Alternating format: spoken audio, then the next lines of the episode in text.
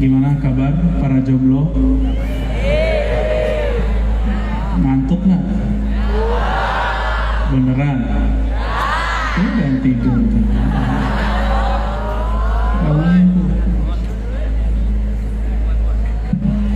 Gimana mau optimis sudah tidur duluan? ya? supaya lebih connect bersambung hati kepada Allah. Mari kita baca surah Al-Fatihah.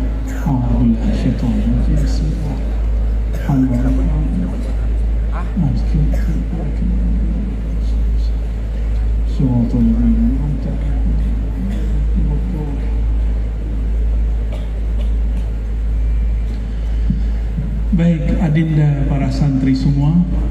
Saya juga masih santri Walaupun di depannya ada gelar doktor Itu gelar-gelaran aja ya Itu gelar di kampus itu Sampai hari ini Sampai malam ini Maziltu taliban Maziltu tilmizan Saya masih santri.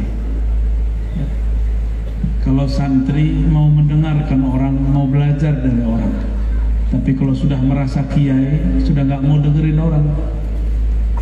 Kalau sudah merasa ustadz, udah nggak mau dengerin siapa pun.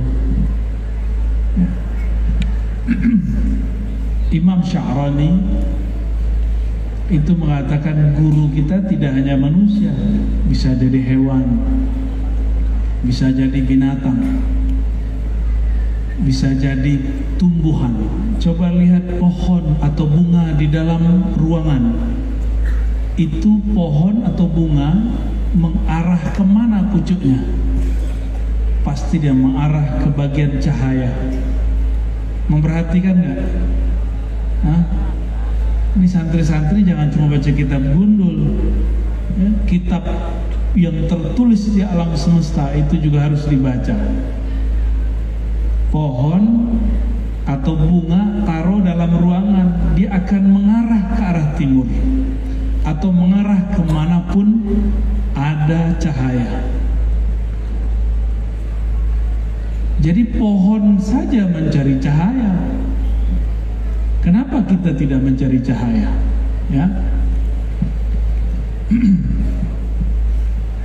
Mau teori atau cerita?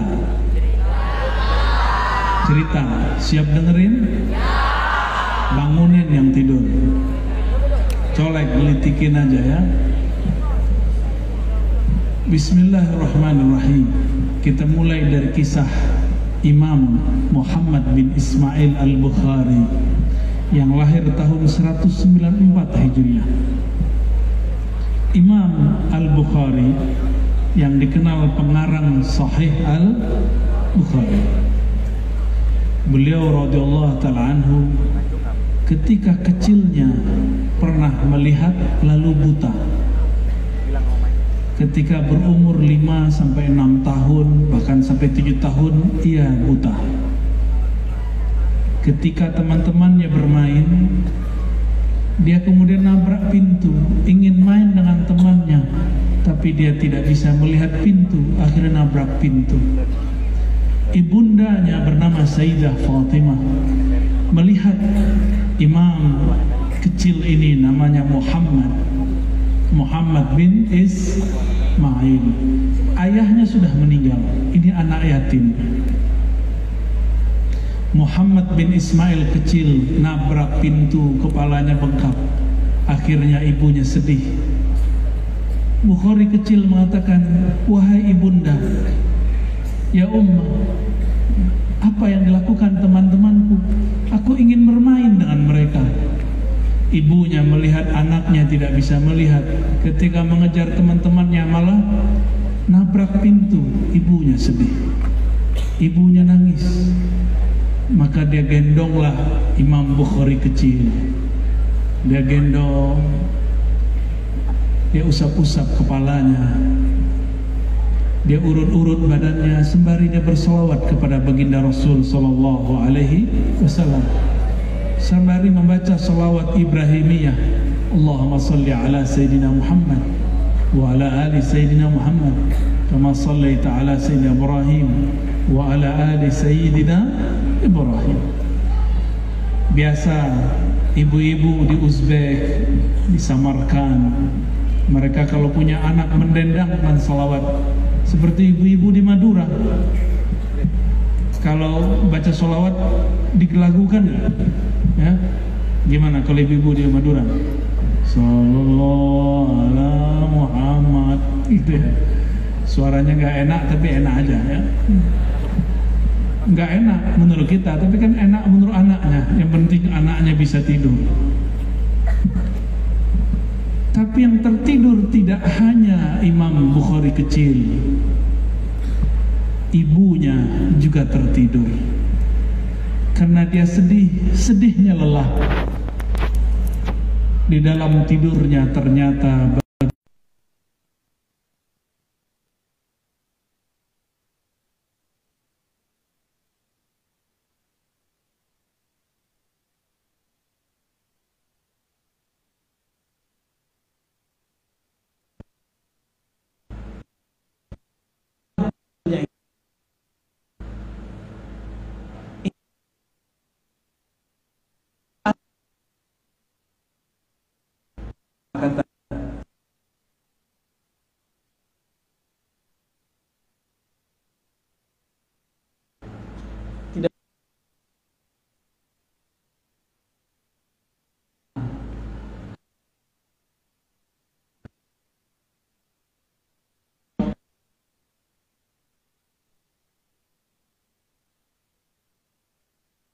matanya ternyata tetesannya jatuh di wajah Imam Ismail Muhammad bin Ismail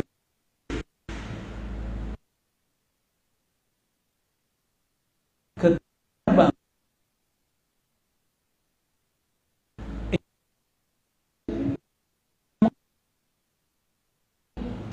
Umi itu Umi cantik ya Ibunda Imam Bukhari heran.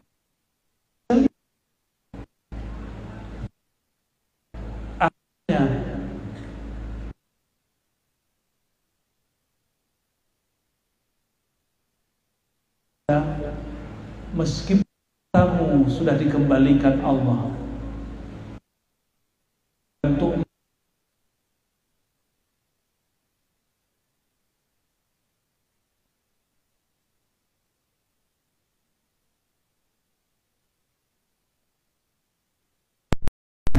Nabi Ibrahim. Itulah agama Islam yang dibawa baginda Nabi Muhammad sallallahu alaihi wasallam. Lalu besok ibunda dari Imam Bukhari mengatakan wahai Muhammad bin Ismail al-Bukhari besok aku akan bawa engkau kursus nahu saraf kepada seorang imam. Dulu belum ada pesantren. Pesantren itu adanya di Madura. Nggak ada di Uzbek nggak ada orang dulu ngaji kayak dulu ngaji seperti masyayikh kita dulu ada mereka ngaji ke syekh, selesai pindah ke syekh, selesai pindah ke kiai. Begitulah terus. Imam Bukhari ngaji 6 bulan belajar bahasa Arab. Ternyata Imam Bukhari ini bukan orang Arab. Dia orang Uzbekistan. Orang mana? Kotanya Bukhara, maka bernama Bukhari. Ini adinda depan saya bukan orang Arab kan? paling ada satu dua yang Arab-Arab hidungnya hidungnya doang ngomongnya belum tentu ya paling ngomong ana ente ana ente كيف حالك ya أنا إندونيسي أصلا وتعلمت من مشايخ إندونيسي والحمد لله تكلمت العربية تكلمت بالعربية أكثر من عشرين سنة. في كل يوم أدرس ساعة ساعتين بالعربية وإن لم أدرس في الأزهر ولا في تريم ولا في دمشق ولا في مكة ولا في المدينة. itu karena setelah baca kisah Nabi kisah Nabi Ibrahim datang ke Fatimah ya, ibunda Nabi ibunda Imam Muhammad bin Ismail al Bukhari Sepertinya depan saya nggak ngerti ya. yang ngerti yang sebelah kiri kanan ya. Pasti ada yang paham. Baik. Lalu Imam Bukhari setelah enam bulan dia bisa berbahasa Arab, cuma enam bulan loh. Imam Bukhari nggak belajar alfiah karena alfiah belum ditulis zaman itu. Maka ini ini bukan merendahkan orang yang senang belajar alfiah. Jangan terlalu berlebihan kepada kitab alfiah. Ya. Alfiah itu kitab alat, ilmu alat ilmu wasail ilmu itu dua ada ilmu wasail ada ilmu makhasid ilmu wasilah sarana alat ada ilmu maksud tujuan belajar nahu sorof apa tujuan baca alfiah apa untuk bisa baca kitab ngerti yang dibaca ini kawan sudah hafal alfiah bolak-balik tapi nggak ngerti juga dia baca kitab apa. Menghabiskan waktu menghafal tapi kurang memahami isi alfiah. Nah, Imam Bukhari cukup 6 bulan. Ternyata memang belajar alfiah itu kalau rutin tiap hari cukup 6 bulan. Itu dilakukan oleh guru dari guru saya namanya Syekh Hussein Usairon Al-Lubnani dari Libanon. Usain Usairon ini langsung ketemu dengan Al-Imam Al-Qadi Yusuf An-Nabahani pengarang kitab Syawahidul Haq dan Majmu'at Salawat. Begitu juga pemegang sanad Dalailul Khairat. Bahkan beliau mensyarah Dalail Khairat. Masih ketemu. Beliau awalnya seorang syiah. Apa itu syiah? kelompok yang melebih-lebihkan ahlul bait lalu mencaci maki selain ahlul bait. Awalnya kelompok syi syiah dia mau ngejek orang tarekat lagi zikir di masjid. Masjid jami' di Lubnan. Maka dia lihat banyak orang zikir. Kalau zikir gimana? Tahlil gimana? Afdalu zikri La ilaha illallah. Itu la ilaha illallah bergema.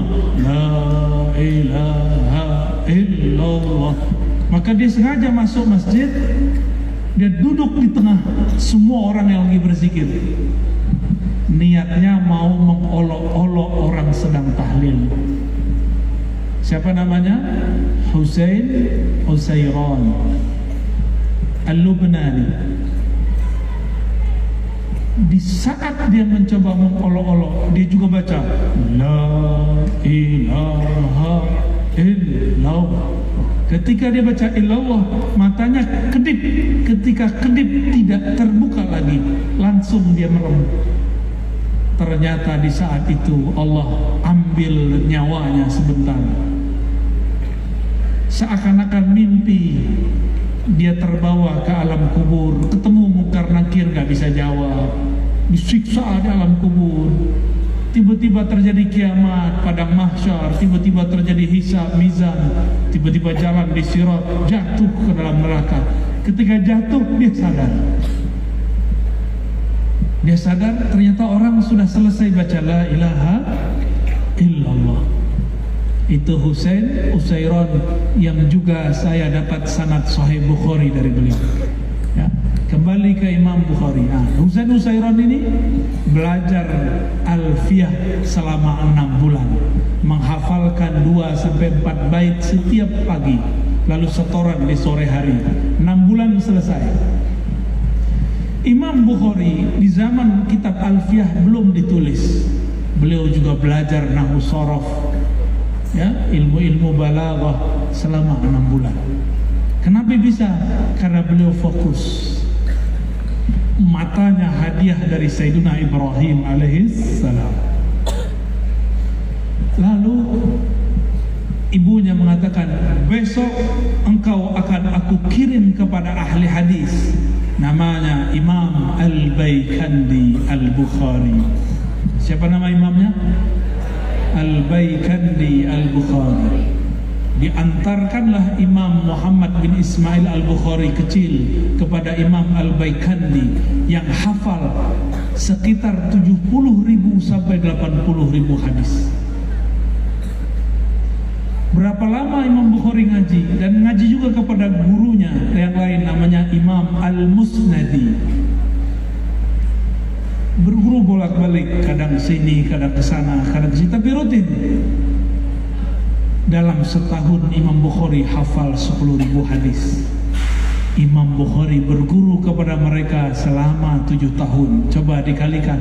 10 ribu kali 7 berapa? 70 udah berapa lama nyantri di sini? Ada yang lima tahun? Udah hafal berapa ayat? Yang pasti surat sepertiga Al-Quran ya. Kul huwallahu Baik.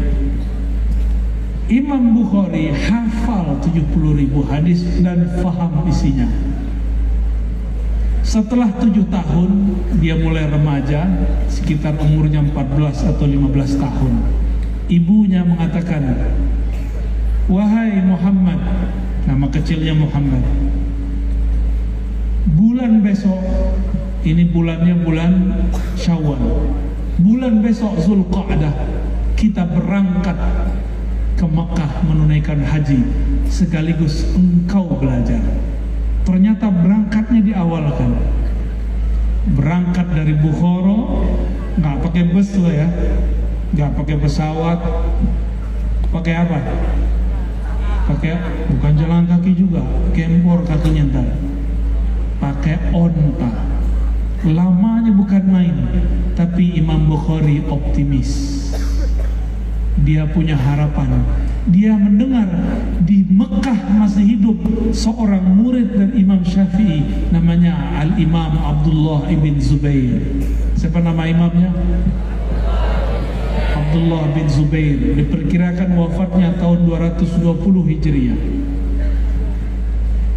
Ketemunya sebelum tahun 220 Imam Bukhari berharap bertemu murid Imam Syafi'i. Setiap mampir di suatu kota, ya dari Bukhara turun ke Persia, Naisapur, Baghdad, sampai kemudian kepada Makkah, adalah sekitar dua setengah bulan atau dua bulan. Jadi dari Syawal Zulqa'dah pas musim haji. Tahu nggak kalian hadis apa yang didengar Imam Bukhari di sana?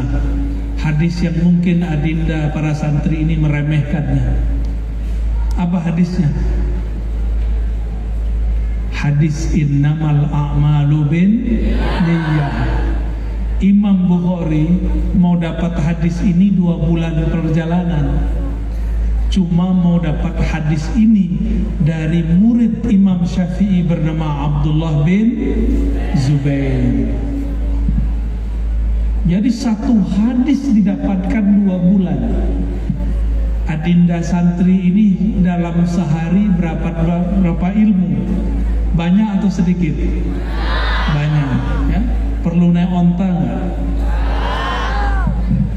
Tapi karena saking banyak ilmu kurang beramal. Imam Bukhari sedikit mendapatkan hadis tapi banyak amalnya. Maka beliau abadikan kisah beliau berjalan ke Mekah, naik onta ke Mekah, anak yatim. Dia tulislah kitab hadis Sahih Al-Bukhari dan hadis pertamanya innamal a'malu bin niyyat Ternyata Abdullah bin Zubair tidak dengar sendiri, dia juga mendengarkan dari gurunya Sufyan bin Uyainah. Waktu dulu dibawa oleh Imam Bukhari, oleh Imam Syafi'i. Imam Syafi'i itu punya orang-orang khidmah yang khidmah kepada beliau namanya Abdullah bin Zubair yang bawain kitabnya yang rapiin sendalnya yang nyedain makannya ini Abdullah bin Zubair maka di mana Imam Syafi'i berguru Imam Abdullah bin Zubair juga ikut berguru Ini untungnya orang khidmah. Ini untungnya orang berkhidmah. Orang pinter aja nggak cukup, dia harus khidmah. Orang pinter nggak khidmah jadi sombong. Maka berkhidmah ini bisa menghancurkan kesombongan-kesombongan. Ya, jadi ketika adik-adik ini diminta oleh pesantren berkhidmah itu bukan untuk pesantren tapi untuk ki untuk kita. Ya, jangan merasa dapat beban. Khidmah itu jangan nunggu tamat. Dimulai dari sekarang. Terlihat ada satu sampah, ambil, pindahkan ke tong sampah. Itu sudah khidmah ada rumput di depan majelis, di depan sekolah, di depan kelas, cabut, itu sudah khidmah. Jadi khidmah itu bukan hanya ngerapiin sendal guru, tapi juga membuat pandangan guru tidak rusak ketika ada sampah. Inilah keberkahan Abdullah bin Zubair. Maka beliau pun akhirnya sebelum wafatnya sempat menulis kitab judulnya Al-Musnad. Apa judul kitabnya? Al-Musnad. Kitabnya sudah dicetak, cuma tidak semua orang mendapatkannya. Imam Bukhari tadi nggak punya penglihatan, jadi dapat penglihatan. Jaraknya jauh, yatim bisa berguru kepada Imam Abdullah ibn Zubair. Masa masih punya ayah masih punya ibu pengennya pulang ke rumah mulu. Udah pulang bukan belajar malah main game mulu. Coba Imam Syah, Imam Bukhari seumur kalian sudah hafal 70 ribu hadis. Kalian seumur ini gimana? Arba ini susah ya ya dan bisa dibayangkan di luar sana ada orang-orang seumur kalian masih sibuk main game. Benar? Masih sibuk pacaran. Masih sibuk YouTube-YouTubean.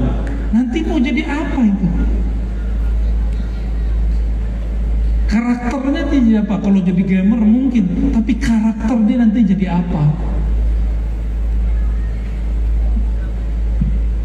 Itu baru satu kisah. Kisah siapa? Imam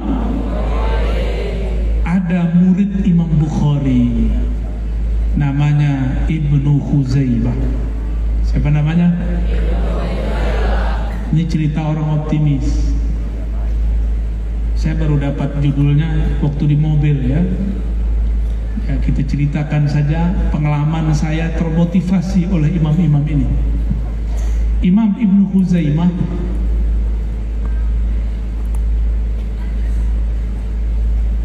beliau mendengar di Irak ada seorang imam bukan lagi murid Imam Syafi'i tapi murid gurunya Imam Syafi'i.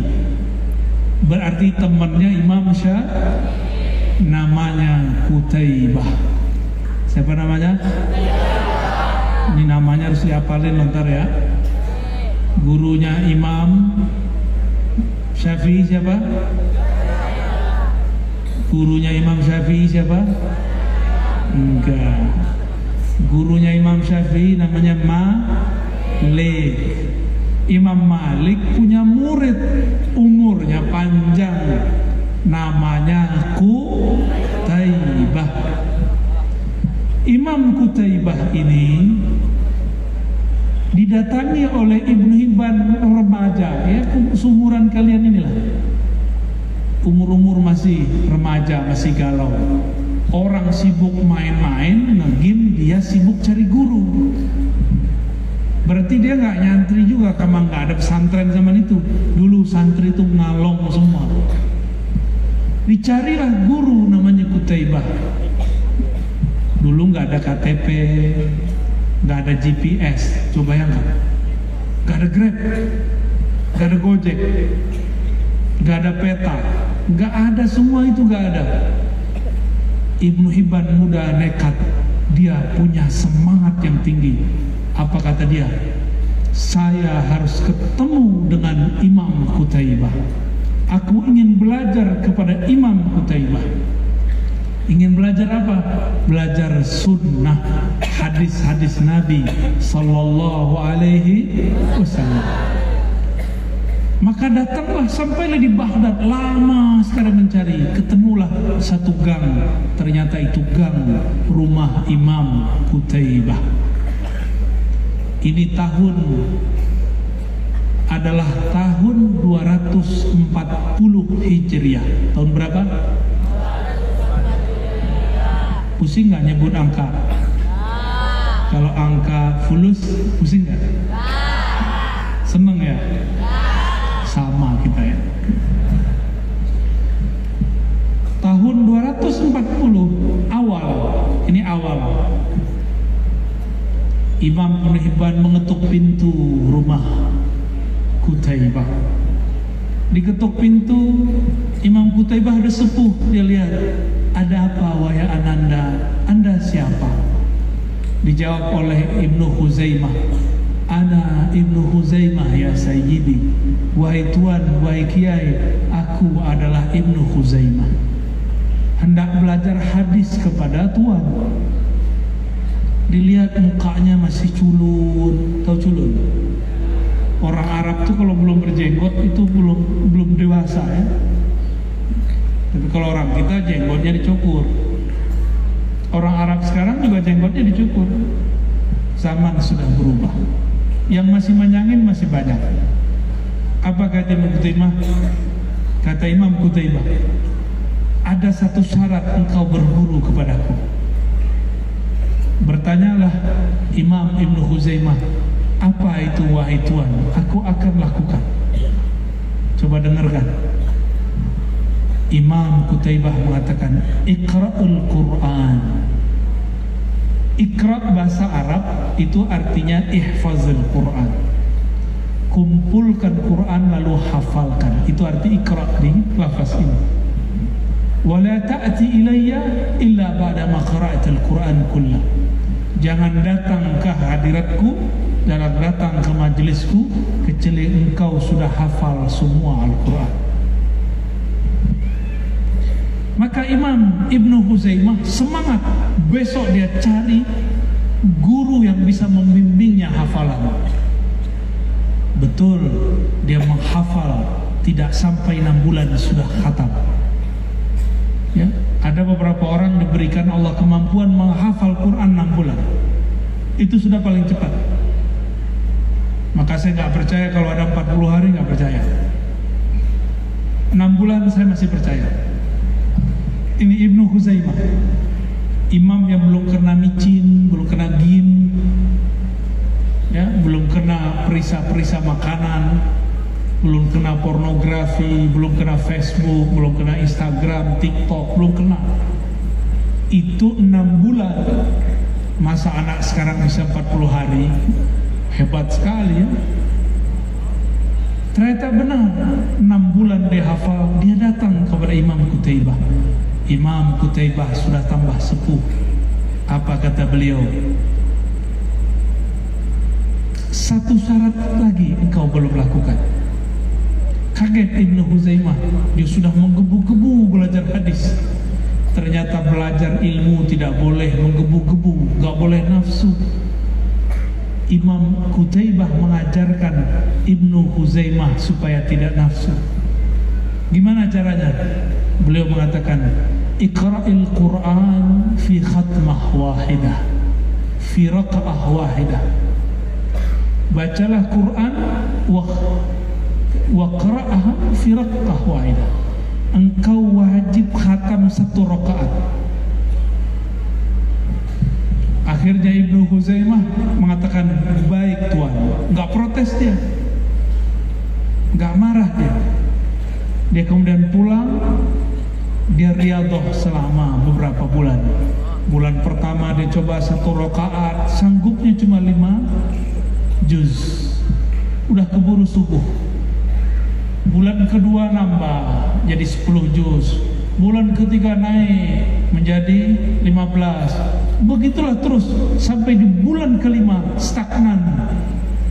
Antara 25 juz sampai 28 27 juz nggak bisa khatam keburu azan subuh Berarti sholatnya sudah habis sholat malamnya. Dia langsung ruku, lalu langsung dia witir. Maka dia minta, ya Allah, guruku mensyaratkan aku harus khatam satu rakaat. Bantulah aku ya Rabb. Ya munazzil Al-Quran, wahai yang menurunkan Al-Quran. Maka di bulan terakhir, bulan ke-6, dia pun berdoa lalu langsung sholat malam itu. Ternyata pas. Minal jinnati wan nas. Langsung azan subuh dia langsung ruku di situlah giran Imam Ibnu Huzaimah remaja yang masih remaja selesai sholat dia bersyukur dia sholat subuh esok pagi dia bersegera berangkat kepada Imam Kutaibah yang dia sudah tinggalkan enam bulan yang lalu Sampailah di gang pintu rumah Imam Kutaibah. Diketuk-ketuklah pintu. Assalamualaikum. Assalamualaikum. Tapi apa yang terjadi? Gak ada yang nyahut suara yang punya bass. Yang nyahut selalu suara perempuan. Waalaikumsalam. Waalaikumsalam. Gak ada lagi suara. Waalaikumsalam. Udah gak ada suara itu. Ketika dibuka pintu, ternyata itu pembantu daripada Kutaibah yang masih tinggal di sana yang mengabdi kepada keluarga Kutaibah. Bertanya Ibnu Huzaimah, wahai wanita, wahai perempuan, manakah guruku Imam Kutaibah? Apa kata si perempuan? Qalat jariyah. Kutaibah ditunjuk wa asyarat ila tarfi al-ard lalu dia menunjuk ke ujung tanah tu Kutaibah menolehlah Ibnu Huzaimah. Yang dia lihat tidak ada. Nggak ada.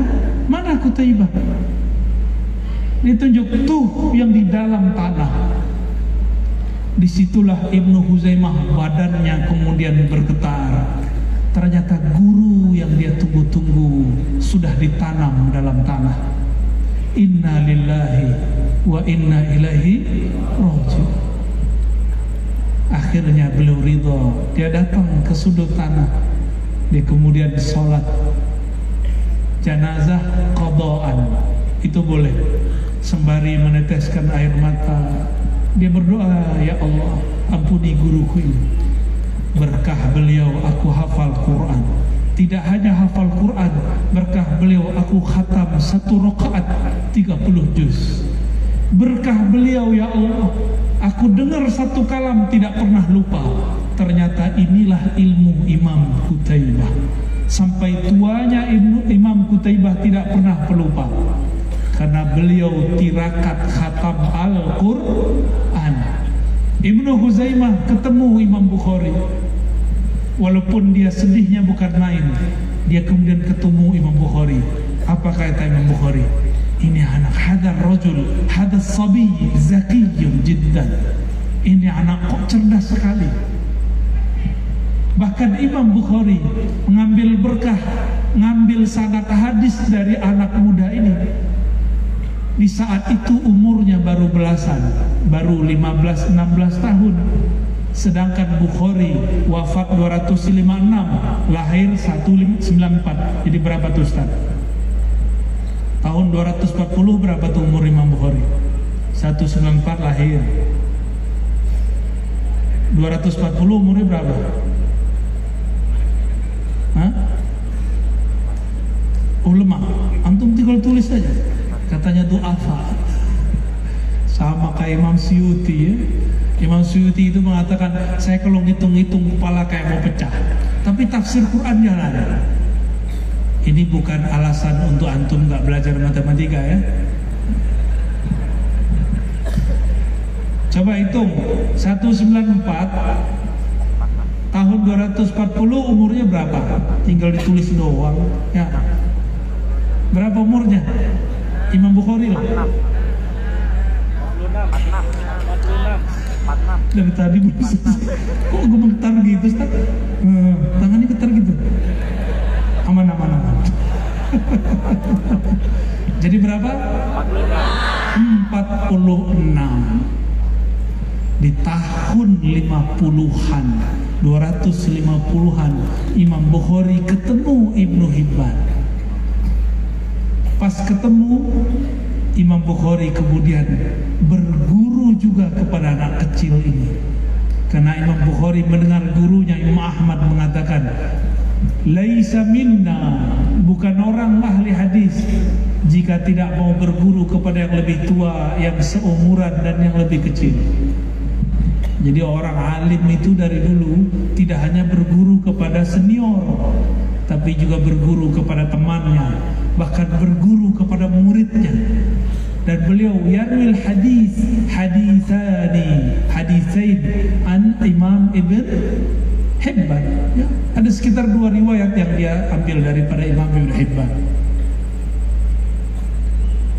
Setelah bertemu Imam Bukhari, Imam Ibn Hibban pun terinspirasi. Ternyata Imam Ibn Hibban itu melihat ada keberkahan ilmu para guru pada Bukhari. Gurunya itu namanya Kutaibah juga dulu pernah mengajar Imam Al-Bukhari. Oleh karena itu Ibnu Hibban menulis juga kitab judulnya Sahih Ibnu Huzaimah ya.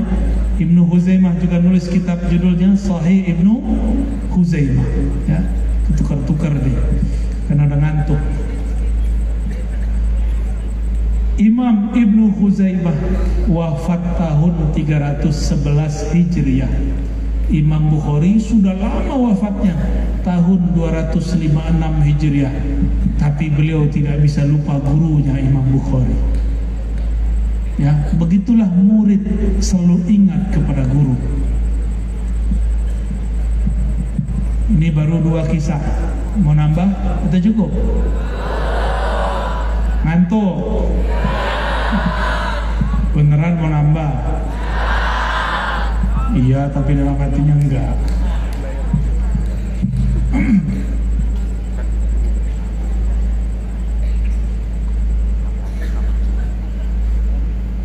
Dulu ada lagi seorang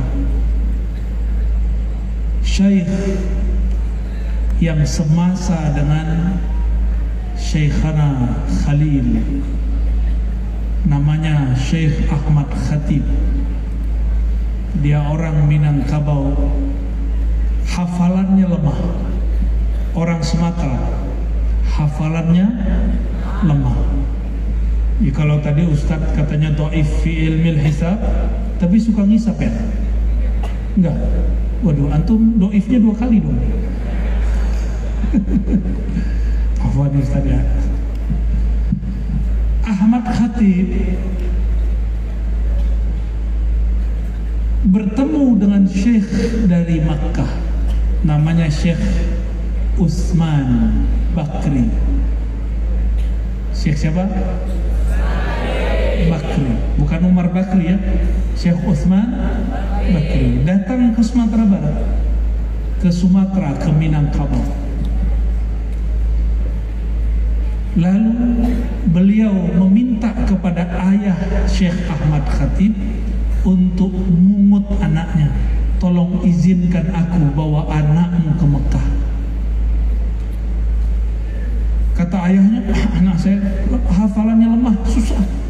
Gak apa-apa saya tanggung. Maka dibawalah ke Mekah. Bergurulah beliau kepada Osman al-Bakr tapi umur ternyata di tangan Allah. Utsman al-Bakri tufia wa balagat mana sampailah umurnya. Dia wafat. Maka diserahkan pengajarannya kepada adiknya. Eh, kepada saudaranya ya. Abu Bakar Syato atau Bakri Syato jadi tadi namanya Usman Bakri Syato. Yang ini Abu Bakar Syato. Dididiklah ternyata anak-anak itu santri itu kalau lemah di satu bidang dia kuat di bidang lain. Pasti Ustadz ada kuat di bidang tertentu ya. Salah satunya bisa duduk samping saya. berarti dia kuat juga dia ya. Biasanya yang duduk di samping itu gemeteran dulu ya, udah gempa dulu. Kita kira ada gempa dari mana? Ya, ternyata badan kita yang gemeteran. Berarti ada kekuatan lain.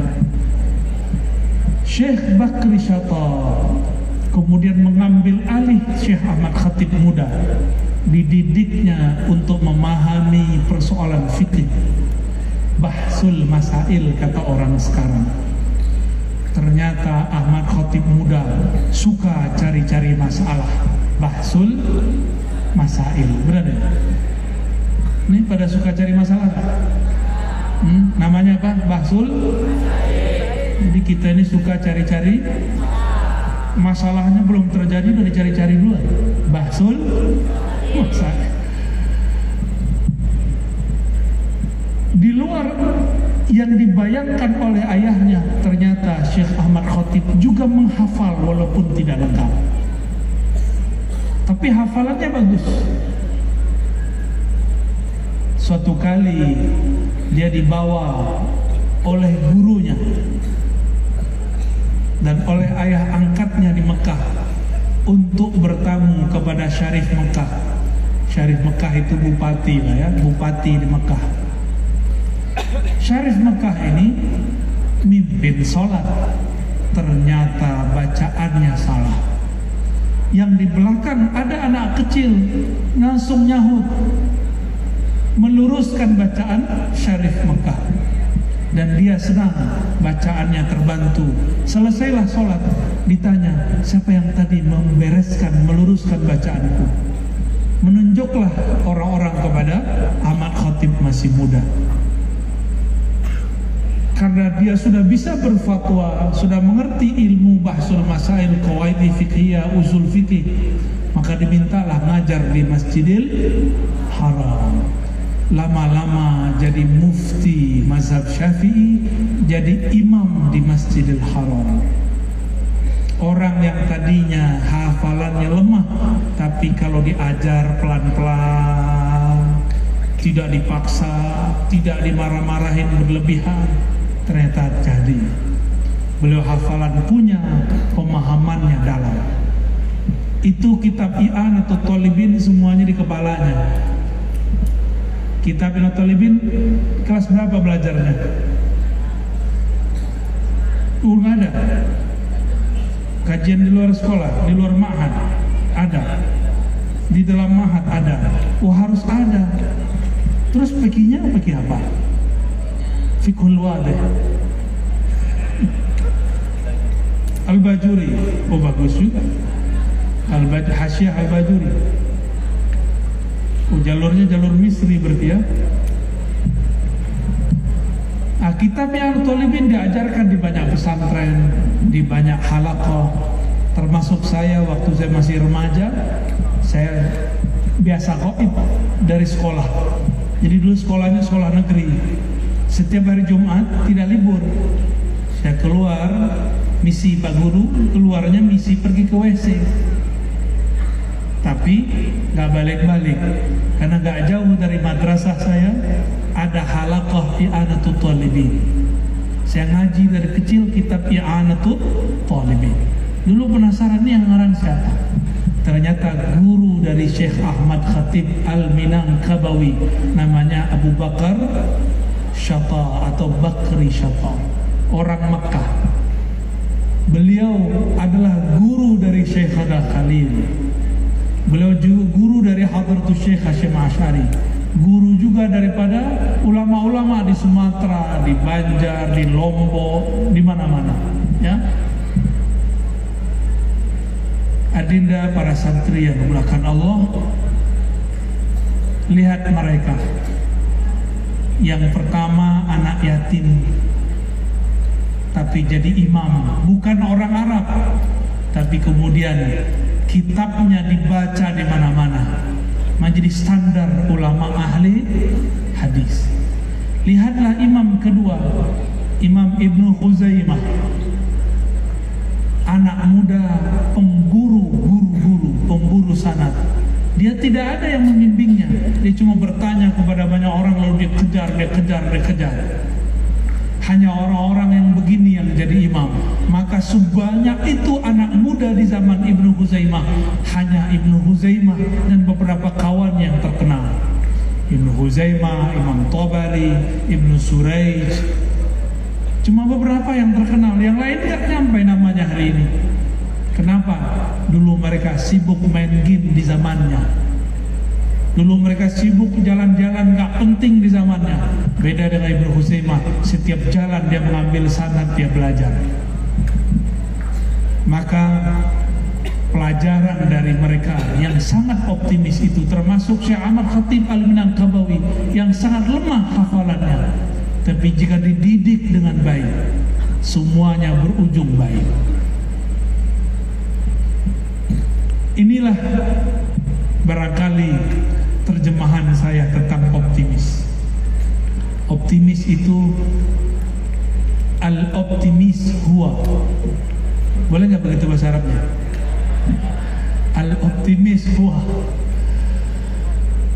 husnuzan billah wathiqatun nafs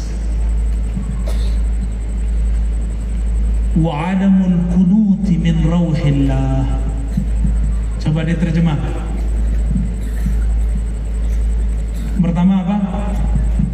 Husnuzan billah, berbaik sangka kepada Allah. Yang kedua, siqatu siqatu bin nafs. Yang ketiga, adabul qunut min rauhillah. Tidak pernah putus asa dari rahmat Allah. Tidak pernah patah semangat. Himmahnya tinggi. Ya.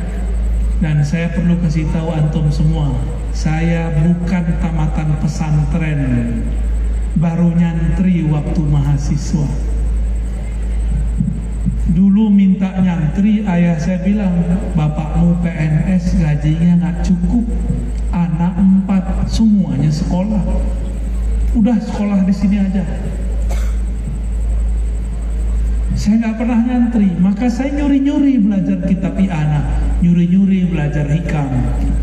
Karena saya tahu ini susah dapatnya, sekali dapat tidak kita lepas.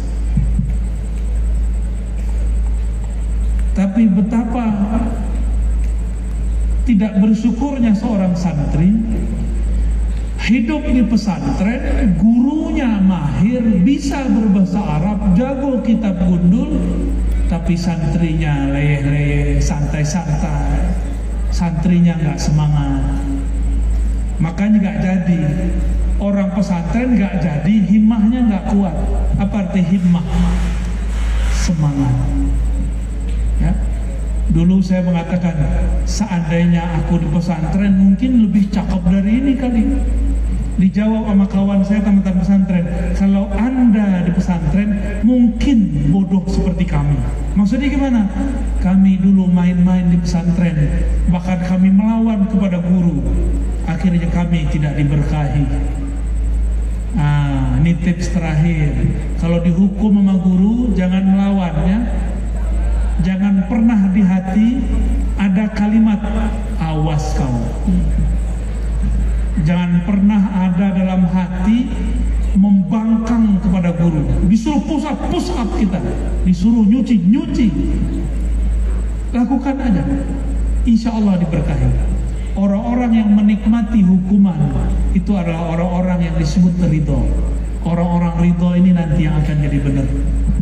Tapi kalau lari dari hukuman, coba aja lihat. Nanti kalau dia tamat pesantren, dipanggil Pak Polisi dia lari. Dipanggil KPK dia lari. Pura-pura sakit. Jadi pejabat atau pura-pura sakit.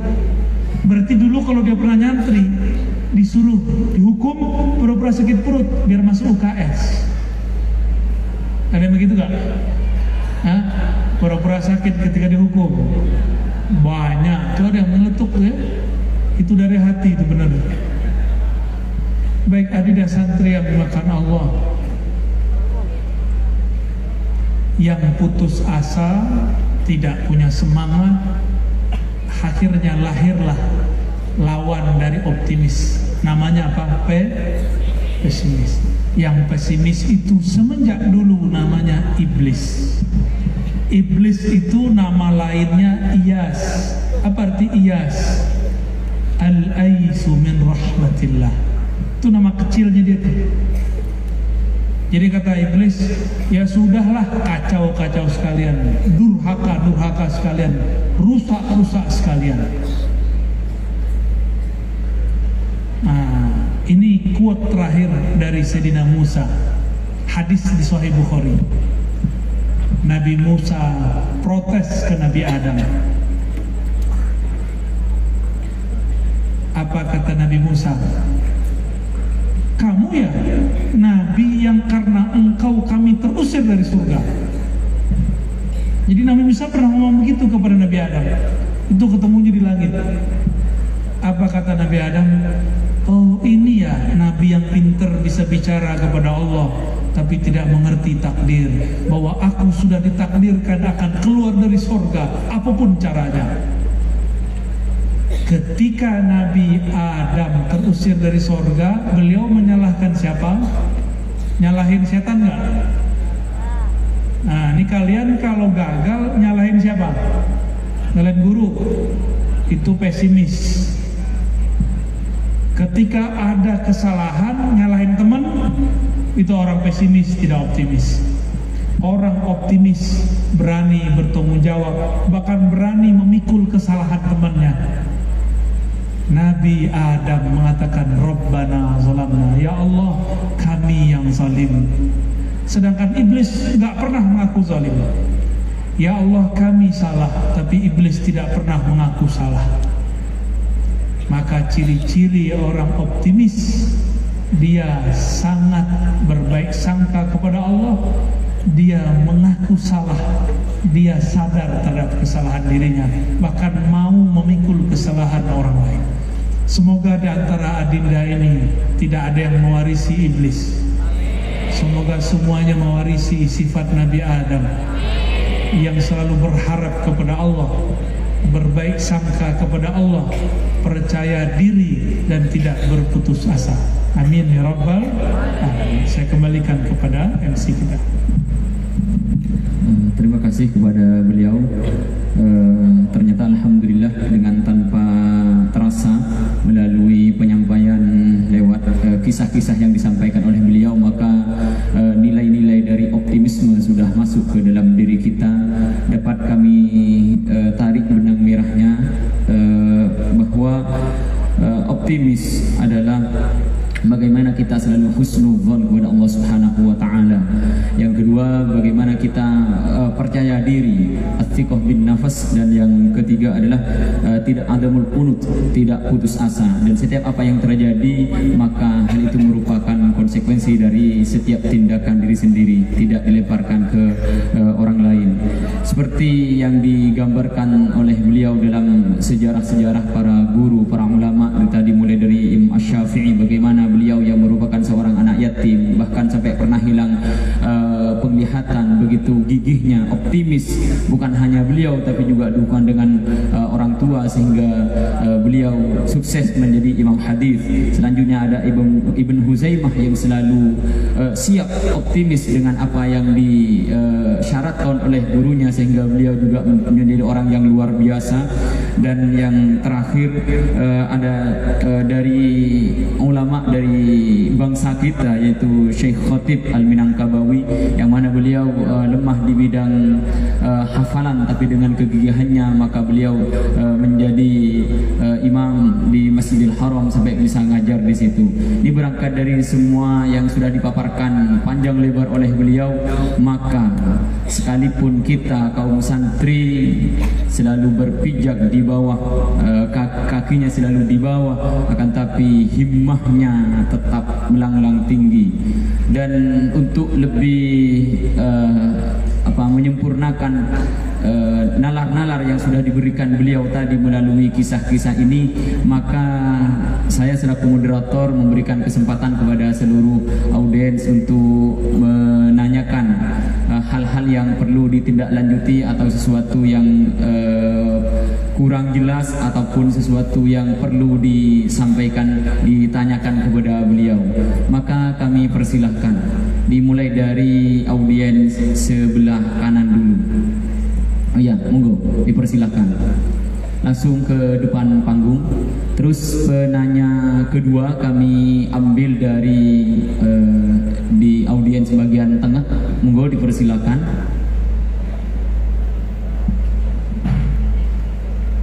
Untuk langsung mendampingi penanya ayah ya monggo dipersilakan. Ini yang di depan yang uh, berdiri paling ya. Oke okay, sampai ya. Monggo fadhol terus yang uh, terakhir yang ketiga untuk di, di sesi pertama ini monggo kami ambil dari uh, sebelah barat panggung. Mungkin ada baik dari penitia ataupun dari santri yang posisinya di sebelah barat panggung kalau tidak ada maka yang sempat iya oke okay, sampean yang juga berdiri barusan dipersilakan maju. Eh, teman-teman uh, stick crew mungkin mic-nya dipersilahkan kepada penanya.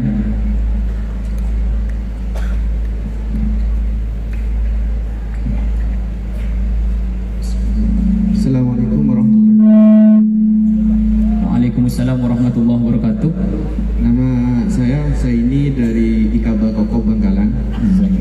Satu pertanyaan buat Buya yang terhormat. Mohon penjelasan tentang korelasi antara doa sunatullah dan kerja keras. Bagaimana cara mengkolaborasi ketiganya dalam bingkai optimisme?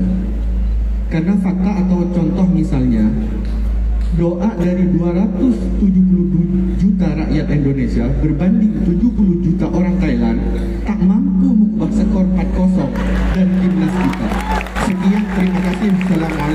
warahmatullahi wabarakatuh. Waalaikumsalam warahmatullahi wabarakatuh. Untuk penanya yang kedua dipersilakan. The power of doa dipertanyakan. Monggo langsung. Assalamualaikum warahmatullahi wabarakatuh. Waalaikumsalam warahmatullahi wabarakatuh. Perkenalkan nama saya Mahfud Zayadi. Baik langsung saya Buya.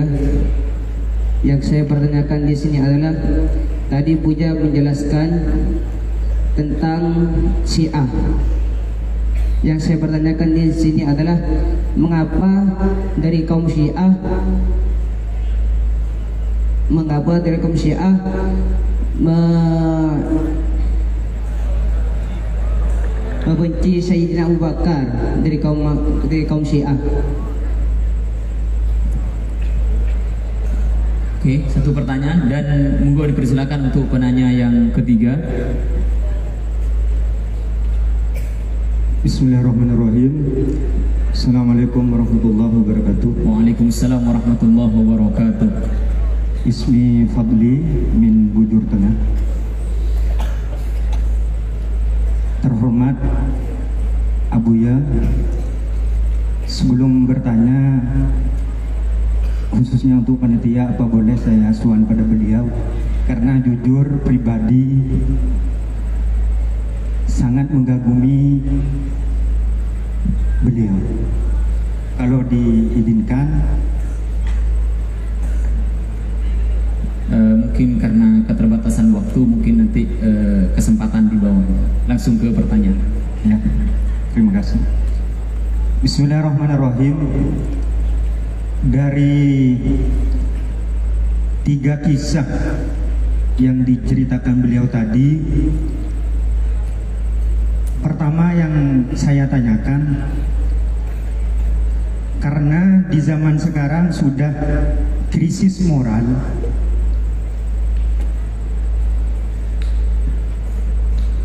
cara mencari guru yang betul-betul membimbing secara akhlak dan amaliyah itu ciri-cirinya seperti apa Bu? Dan yang kedua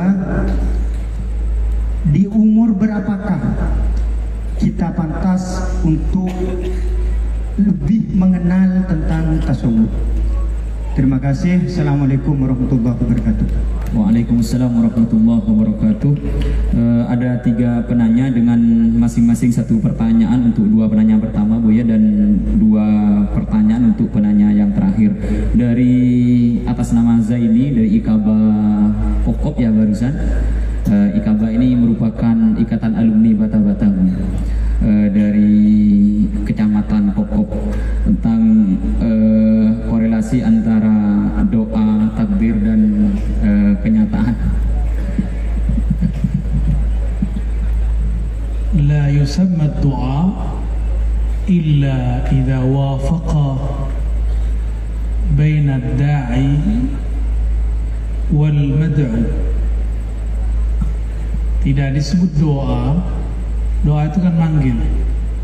Kalau tidak ada muafakoh koneksi antara yang meminta dengan yang diminta doa sih. Ya Allah ya Allah. Tapi nggak ada rasa koneksi kepada Allah. Mintanya ke tembok. Bayanginnya bayangin batu bata. Segempat. Nggak nggak koneksi kepada Allah. Karena jaminannya dalam hadis Imam Tirmizi jelas. Innallaha sesungguhnya Allah la yujibu tidak menjawab mengijabah doa min qalbin ghafil dari kolbu yang lalai. Ya. Lagi main bola kolbunya koneksi ke Allah atau lalai? Jangan-jangan sholat aja nggak jelas tuh. Ya. Nonton bolanya pakai bismillah tuh Yakin nggak 270 juta orang berdoa? Saya nggak ikut doa karena saya tahu ini bakal kalah. Saya nggak ikut doa. Malu kita meminta sesuatu yang Allah menginginkan berbeda. Namanya nggak ridho. Dan ciri-ciri daripada itu mustajab idza utliqal lisan. Jika lisan ini dibuat lancar utliko itu dimulai dari kolbu. Kolbu kita yang mulai lepas. Disebut khatir rabbani. Ada bisikan di dalam kolbu. Allah lah yang membisikkan lewat ruh. Ruh menyampaikan ke dalam kolbu bahwa mintalah ini jadi meminta itu yang sudah pasti. Lalu apa hubungannya takdir dengan doa dan kerja keras? Takdir itu bahasa Arab artinya ukuran. Takdir itu ada tiga macam. Ada takdir alam khalqiyah, itu di loh mahfuz dikeluarkan dari kalam kun. Tumbuhnya dari dua sifat kudrah dan iradah Allah. Innama amruhu idza arada syai'an ayyakula lahu kun. Itu kudrah iradah adanya di alam khalqiyah alam penciptaan kita ini. Puncaknya ada di loh mahfuz. Dan itu sudah kering nggak bisa dirubah Terus ada takdir arsyah namanya. Takdir aras. Lalu mahfuz itu cuma di atas langit, di bawah aras. Arsullah itu disebutkan Ar-Rahman alal istawa. Allah yang maha rahman istawa. Istawa itu kalau secara harfiah merata-rata, bukan membata-bata ya Bata artinya apa? Batu. Oh gitu. Berarti beda dengan rata ya. Istawa Allah itu rahmannya merata pada alam semesta. Boleh juga disebut dengan takdir rahmaniyah. Takdir apa? Takdir rahmaniyah ini kalau kata ahli ma'rifat disebut jaisnya Allah Allah mentakdirkan bukan dengan ukuran kudroh iradah, bukan ukuran pahala siksa, tapi ukurannya sayang. Contohnya Imam Bukhari tadi itu dapat takdir namanya takdir rahmaniyah. Harusnya dia buta, gak bisa. Tapi Allah geser takdirnya kepada takdir rahma rahmaniyah. Ada lagi takdir, saya nggak boleh sebut istilahnya ya. Tapi boleh disebut takdir kodimiyah. Takdir kodimnya Allah. Nah, itu hanya Allah yang tahu. Jadi apa hubungannya? Mungkin di takdir loh mahfuz ini tidak bisa dirubah. Cuma kita kan nggak beralih kepada takdir yang kedua, takdir rahmaniyah. Akhirnya tetap saja berapa orang tadi yang doa? 200 bro. Masa sih sebanyak itu doa? Sudah kerja keras, mungkin kerja kerasnya mereka orang-orang yang yang bertanding itu lebih kuat daripada yang yang kita doakan. Jangan salahkan Allah Taala, ya. Jangan sampai ada kalimat kayaknya Allah nggak dengar atau ada kalimat seperti doa tidak bermanfaat. Coba baca kitab hikam. Dalam kitab hikam Imam Ibn Atta'illah mengatakan, jangan engkau sibuk memikirkan tuntutanmu, tapi perhatikanlah adabmu saat menuntut kepada Allah SWT. Saya yakin adab orang menonton saat itu, ya belum tentu doanya sesuai dengan adab-adab yang Allah ajarkan. Wallahu a'lam bishawab. Uh, itulah jawaban dari uh, beliau tentang uh, doa. Ciri-ciri doa yang mustajab itu ketika lisan kita digerakkan dengan sendirinya berarti memang digerakkan oleh Allah Subhanahu wa taala, berarti Allah, Allah Subhanahu wa taala sudah siap dengan ijabahnya. Ketika lisan kita digerakkan oleh Allah Subhanahu wa taala untuk meminta, maka berarti yang diminta sudah disiapkan untuk diberikan. Satu lagi lupa. Sebelum kita doa, Allah sudah tahu belum apa yang mau kita minta? Terus untuk apa doa? Sebelum kita doa, Allah udah tahu belum? Atau doa itu masih tahu ke Allah? Apakah doa itu memberitahu Allah? Enggak. Kalau doa memberitahu Allah, itu bahaya. Berarti kita ini bosnya Allah. Allah itu pelayan kita. Begitu nggak? Nah, kebanyakan santri doa, guru doa, orang awam doa, dia berpikir Allah ini lupa, maka dia ingatkan. Sebelum dia doa, Allah sudah tahu. Makanya biasanya ketika dia meminta di luar yang itu tidak ada koneksi antara batinnya. Di sini santri boleh ngerokok ya? dengan batasan umur tertentu. Masya Allah, keren ya. Ahlul hisab. Ahlul hisab. Antum nggak ahlul hisab? Enggak ya? Kalah dia. Eh, dan doa minoritas juga belum tentu lebih lemah daripada doa mayoritas seperti yang disampaikan barusan. Apalagi orang yang lebih banyak berdoa ternyata kekuatan doanya itu masih lebih dikalahkan oleh kekuatan doa yang lebih eh, sedikit. Dan mungkin lebih lebih jauh lagi bu ya apa mungkin ada ijabah amah ijabah khosok dalam doa. Tergantung kader tadi. Iya. Ijibah khosoh pakai rahmaniyah. Amah pakai luh mahfuz. Jadi tidak ada yang salah dengan doa kita dan sebagian yang ikut berdoa untuk memenangkan Indonesia itu saya ternyata mungkin doa saya juga tadi itu tidak berangkat dari hati yang benar-benar minta kepada Allah Subhanahu wa taala. Mungkin bisa berangkat dari ego yang berdoa atau hal yang lain. Seperti itu. Dan selanjutnya dari penanya yang kedua Bu, atas nama Mahfuz Zayyadi eh, tentang aliran. Karena tadi eh, berangkat dari kisah eh, Husain Usairon yang berangkat dari eh, Syi'i yang mengejek-ngejek Kenapa orang-orang Syiah itu benci Sayyidina Abu Bakar? Nah ini penting nih. Jangan-jangan di Madura ada virus ini. Hati-hati. Virus politik yang diagamakan. Nih hati-hati nih adik-adik ini bakal dewasa ya. Nanti masalah kita ke depan adalah mengagamakan politik beda politik, beda agama, walaupun sama-sama kopiahnya hitam, walaupun sholatnya sama-sama lima waktu.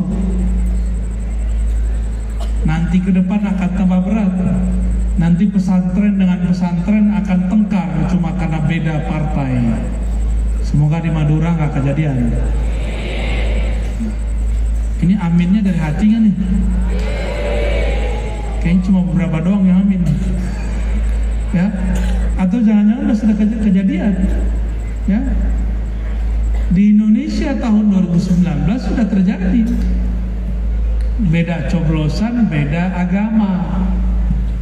Udah kayak beda agama padahal kopiahnya sama. Itu keberhasilan musuh-musuh Islam memecah kita dari dalam. Syiah itu ketika calonnya tidak menjadi khalifah yaitu Sayyidina Ali karamallahu wajah justru mundur menjadi khalifah keempat maka mereka kemudian menyalahkan Abu Bakar As-Siddiq dan mengatakan Sayyidina Abu Bakar As-Siddiq perampas. Mengatakan Sina Abu Bakar As-Siddiq itu memanfaatkan situasi kesedihan Ahlul Bait. Lagi sedih Rasulullah wafat lalu diambil alih oleh Abu Bakar. Jadi mereka menuduh Sayyidina Abu Bakar. Lalu mereka benci sekali kepada Sayyidina Umar tapi mereka bingung dengan Sayyidina Utsman kenapa? Sayyidina Utsman ini istrinya dua itu semuanya anak Rasulullah Sallallahu Alaihi Wasallam. Sedangkan Sayyidina Ali istrinya satu dari anak Rasulullah selebihnya bukan dari anak Rasulullah Sallallahu Alaihi Wasallam. Kalau ukur-ukur siapa yang lebih mulia karena istrinya banyak maka lebih mulia Sayyidina Utsman karena dua istrinya putri Rasulullah Sallallahu Alaihi Wasallam jadi mereka kemudian sakit hati kepada kelompok pendukung Abu Bakar, maka mereka mencaci Abu Bakar. Syiah ini disebut dengan Syiah Rafidah. Ada Syiah yang gak Rafidah seperti Zaidiyah, itu ada di Yaman. Mereka cuma mengatakan Sayyidina Ali afdal min Osman. Itu tidak masalah. Disebut dengan tasyayyu' Mahmud tasyayyu' yang masih terpuji dan itu tidak masalah karena di Quran tidak disebutkan bahwa Ali atau Utsman salah satunya lebih mulia itu ijtihad ulama nah, maka ingat-ingat nanti yang nanya dan semua antum yang hadir tolong nanti ke depan jangan jadikan politik sebagai standar orang beragama siap nggak? Maka coba di, dibaca sama-sama. Beda politik bukan beda agama. Coba diulang. Beda politik bukan beda agama. Sepakat? Yang mengagamakan politik berarti dia kelompok khawarij, kelompok syiah, kelompok mu'tazilah. Ini tiga kelompok ini mengagamakan politik. Nah, kita ahlus sunnah wal jamaah tidak pernah mengagamakan politik. Tapi agama ini tidak boleh lepas dari politik. Ya, wallahu a'lam bissawab. Jadi jawabannya berangkat dari apa? Tidak husnudzonnya karena kekecewaan yang dialami oleh e, mereka dilemparkan kepada Sayyidina Abu Bakar sehingga timbullah kebencian kepada Sayyidina Abu Bakar. Ini lagi-lagi seperti yang diungkapkan oleh beliau tadi, ciri-ciri orang pesimis. Selanjutnya eh, penanya yang ketiga Bu ya atas nama Fadli dari Bucur Tengah dengan dua pertanyaan. Yang pertama eh, cara mencari guru yang benar-benar membimbing kita dan menuntun kita menuju Allah Subhanahu wa taala. Terus pertanyaan yang kedua eh, batasan umur untuk eh, mendalami tasawuf. Qala النبي صلى الله عليه وسلم ما خاب من استخار ولا ندم من استشار Tidaklah rugi orang yang istikharah Tidaklah menyesal orang yang bermusyawarah Maka carilah guru dengan beristikharah berkali-kali Istikharah artinya meminta supaya Allah lah yang memilihkan Bukan kita yang memilih muncul di YouTube, muncul di Facebook, oh ini guruku, belum tentu, belum tentu cocok. Istikharah lagi, siapa tahu ada guru yang lebih cocok. Termasuk memilih pesantren, ya, termasuk memilih pesantren. Harus istikharah. Apalagi nanti kuliah, apalagi nanti cari mursyid, karena mursyid guru rohani tidak hanya untuk sekolah, tidak hanya untuk kuliah tapi sampai nanti ke akhirat diperlukan maka bermusyawarahlah dengan orang-orang ahlinya. Jangan tanya ke yang bukan ahli. Itu kalau di Jakarta di Bogor itu ada ustadz nggak ngerti tasawuf. Ditanya orang apa menurut engkau wahai ustadz tasawuf itu apa? Jawaban dia ziddiq. Dia nggak ngerti. Yang orang ini nanya bertanya kepada yang nggak ngerti. Sama-sama jahil wa jahil jahil tambah orang jahil gimana? Hmm? jahilan dua orang jahil. Kapan seseorang belajar tasawuf? Belajar tasawuf ini dibagi. Pertama akhlak. Yang kedua aurat zikir riadah yang ketiga ma'rifatullah akhlak diajarkan sejak kecil. Maka tasawuf mesti diajarkan sedari kecil. Jujur gak boleh bohong ya. Nyontek. Saya mau tanya nih santri pada ngerti agama kan nyontek hukumnya apa? Waktu ujian kemarin nyonteknya beneran? Ada senyum-senyum tuh sebagian. Bawa jimatnya. Jimat iri tangan hmm ada yang buka jimat yang nyontek akidahnya bermasalah tasawufnya rusak. Maka nyontek itu haram hukumnya. Haram secara fikih haram secara tasawuf. Haram secara akidah. Mau ditaruh di mana taruhnya orang? Karena kalau jadi orang hebat, ini gawat ini, berbahaya dia suka korupsi dari itu. Ya, mulai semester besok sudah nggak ada lagi nyontek ya. Ya, biarlah nggak bisa jawab. Cukup tulis apa yang kita tahu. Selebihnya katakan la adri, udah selesai. Atau tulis ulang pertanyaannya. Biar kelihatan ada usaha walaupun golnya tetap kebanyakan mereka ya nggak nyambung kapan diajarkan tasawuf? Tasawuf akhlak wajib diajarkan sedari kecil. Yang kedua tadi apa? Aurat dan riadah mujahadah. Disebut dengan tasawuf nafsiyah. Tasawuf nafsiyah diajarkan kalau si anak sudah akil balik. Boleh mulai puasanya puasa riadoh tuh boleh riadoh tuh kayak latihan. Apa arti riadoh? Orang yang ototnya besar itu dia latihan nggak? Ya kalian ini bisa bisa. Kitab dulu nggak bisa karena berulang-ulang. Namanya riadoh. Maka dalam belajar tasawuf juga ada riadah, diulang-ulang zikirnya, diulang-ulang puasanya, diulang-ulang bangun tahajudnya. Di sini tahajudnya jam berapa? Beneran? Ya. Sholat subuh maduhanya dijamak nggak? Jadi subha, subhanallah.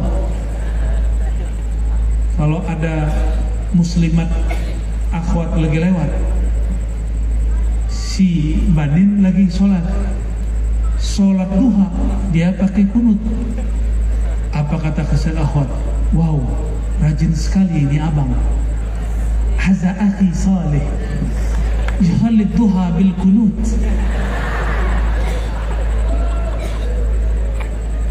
Ternyata dia sholat subuh di waktu duha. Itu ente. Baik. Jadi ini bagus untuk yang sudah akil. Untuk yang sudah apa? Akil.